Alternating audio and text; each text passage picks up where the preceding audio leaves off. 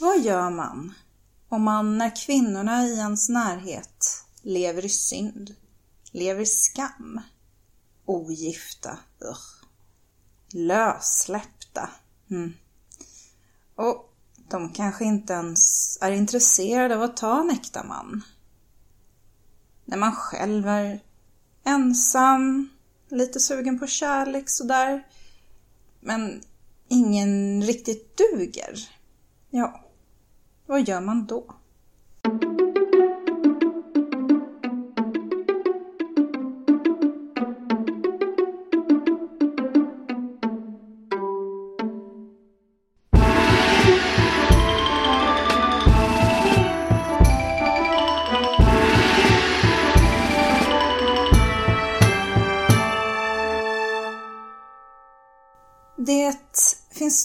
Pygmalion i den antika mytologin.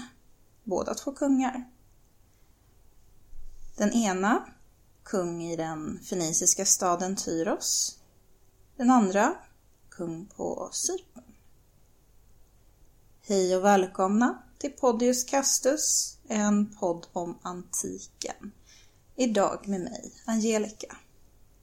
Dagens minisnitt kommer handla om myten om Pygmalion. Det är den senare, kungen av Cypern, som dagens minisnitt kommer beröra. Det kommer dock inte handla om honom som kung, utan snarare om honom som skulptör. Men först en liten kort information om en karaktär som vi, vi nämnt i tidigare minisnitt och avsnitt, nämligen Ovidius. Ovidius föddes år 43 före vår tidräkning i Sulmo i nuvarande Sulmona i Italien. Hans släkt var förmögen och han själv utbildade sig i Rom inom retorik. Men det han brann för egentligen var diktkonsten. Han började efter sin fars önskningar på den juridiska banan, men övergav den snart för att ägna sig åt sin passion, dikten. År 8 efter vår tidräkning blev han landsförvisad av kejsar Augustus till staden Tomis i provinsen Mesien eh, som ligger i nuvarande Rumänien. Och det här ligger vid Svarta havet. Anledningen till detta kan dels ha berott på hans erotiska diktning i hans text Ars Amatoria.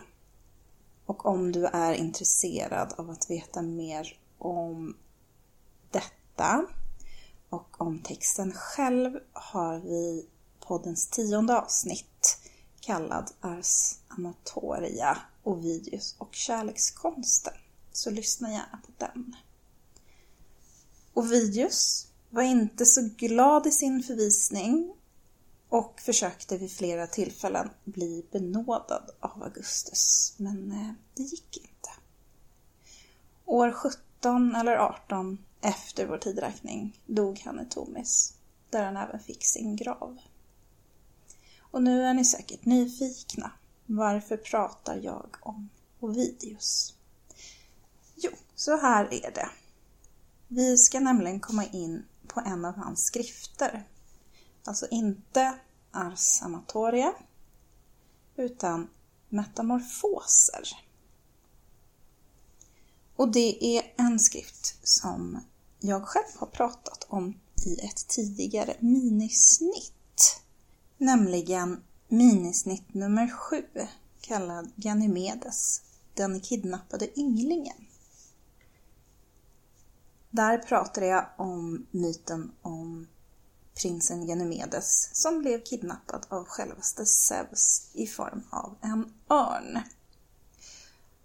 Och Videos metamorfoser det är ett av hans mest kända verk. Det innehåller ungefär 250 olika berättelser med ett gemensamt centralt motiv, nämligen en förvandling, eller ja, en metamorfos då. Tillbaka till dagens huvudkaraktär då, Pygmalion. Vad passar bättre än ett litet återberättande av själva myten?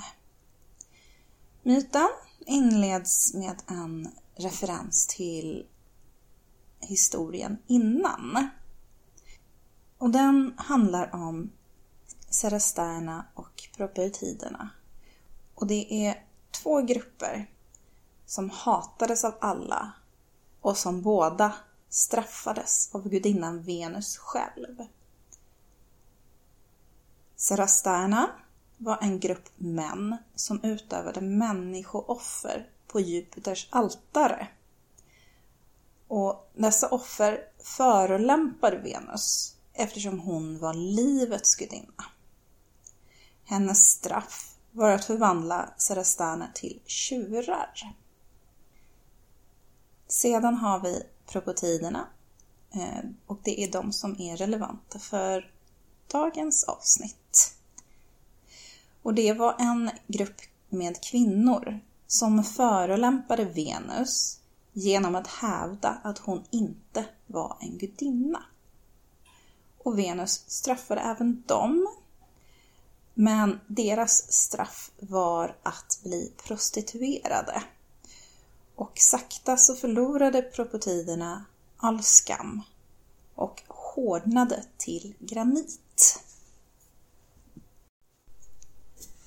Och här tar myten om Pygmalion vid. Pygmalion, han var alltså föga imponerad av dessa kvinnor. Eh, enligt honom så levde de ett liv helt opassande för kvinnor. Det var ett liv av skam och utan en självinsikt att se sina egna fel. Pygmalion själv levde ogift i många år. Men under den här tiden så karvade han en staty ur snövitt elfenben. Han gav den här statyn en skönhet som man inte tidigare skådat hos kvinnor. Och för att statyn var så vacker så blev han kär i sin egen skapelse. Statyn var perfekt, oskuldsfull och återhållsam.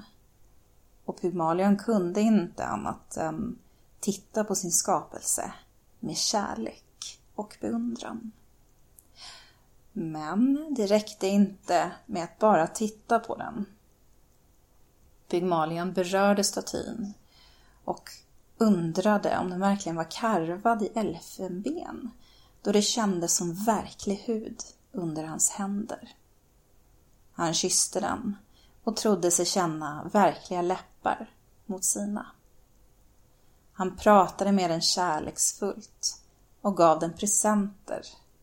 Och inte vilka presenter som helst, utan sådana som en vacker och söt flicka skulle kunna tycka om.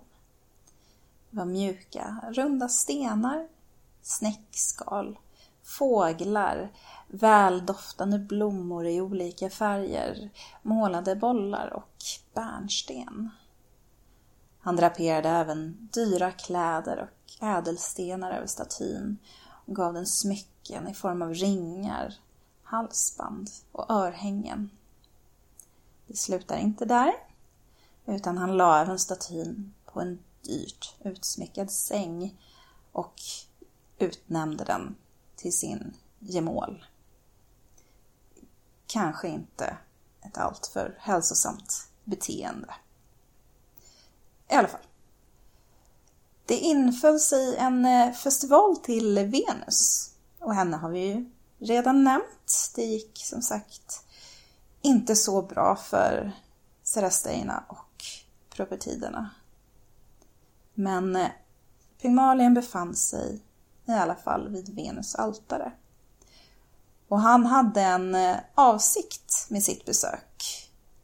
Han hade redan gett sitt offer till gudinnan och började sedan be, även om han med all rätt fruktade resultatet. Han bad. Om det är sant, och gudar, att ni kan ge allt, ber jag er att ge mig till fru. Och här tvekar han, för han vågar inte riktigt yttra orden min elfenbensstaty.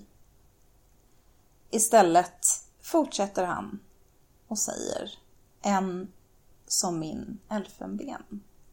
Punkt, punkt, punkt. Och Venus lyssnade eftersom ja, hon var ju på plats vid sin festival. Och hon hörde honom och hon visste exakt vad han menade. Och tre gånger flämtade flamman som ett tecken på att hon hade hört honom.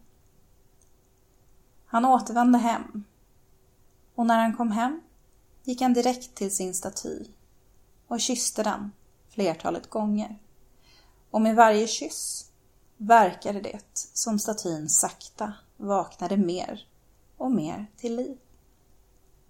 Pygmalion vågade inte riktigt tro det först, men visst var det hud som mötte hans hand.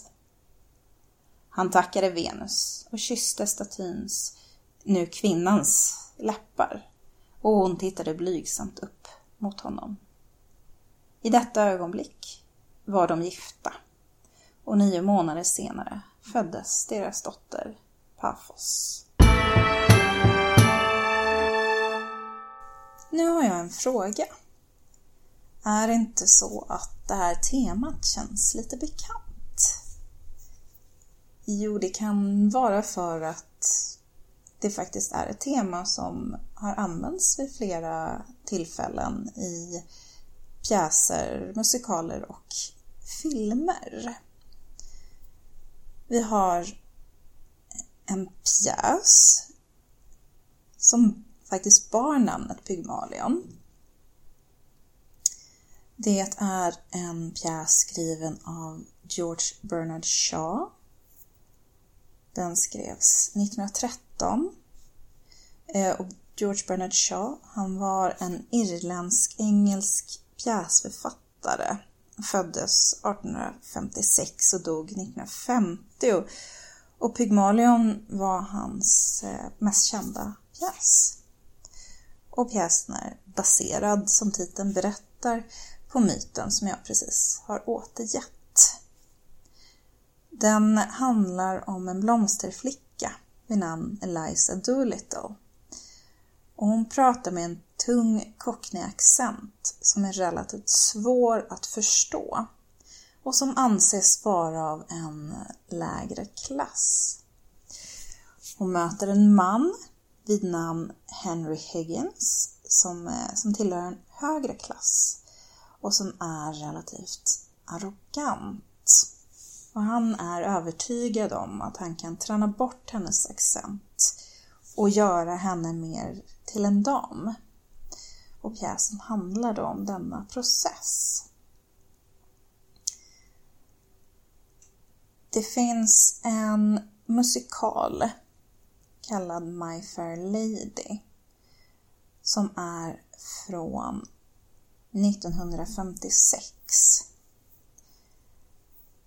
Och en film som baseras på den här eh, musikalen som är från 1964 och båda de är då baserade på George Bernard Shaws pjäs. Och eh, lite senare än så hittar vi filmer som Pretty Woman från 1990 och She's All That från eh, 1999 som båda handlar om en kvinnas metamorfos från det oslipade, operfekta till en idealbild av hur hon ska vara och hur hon ska se ut. Och en lite mer bokstavlig tolkning hittar vi i sin tur i filmen Simon eller Sim One från 2002 som handlar om en misslyckad filmregissör som kommer över en datorsimulering av den perfekta skådespelaren. Och det här temat, det återvänds om och om igen. Och du själv kan säkert hitta fler exempel på denna typ av metamorfos i närliggande tid i media.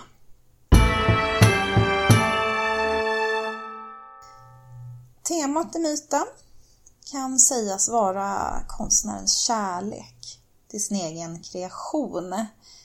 Och visserligen skulle man kunna säga att så är fallet. Det är väldigt mycket beskrivet som kärlek i Ovidius text. Men skrapar man lite på ytan så ser man i myten, likväl i de senare exempel jag nu har tagit upp, ett ganska ihållande tema, nämligen mannens makt över kvinnan. Här skapas hon, formas efter hans eget tänk och tycke. Hon har inte så mycket att säga till om, men så länge hon är vacker och uppfyller ideal så är hon precis som hon behöver vara. Och med de orden vill jag bara säga skänk dig en tanke och skriv gärna till oss och berätta vad du tycker. Vi finns på Facebook och Instagram samt på podiuscastus.gmail.com Tack för att du har lyssnat på mig, Angelica, idag. Och på återhörande.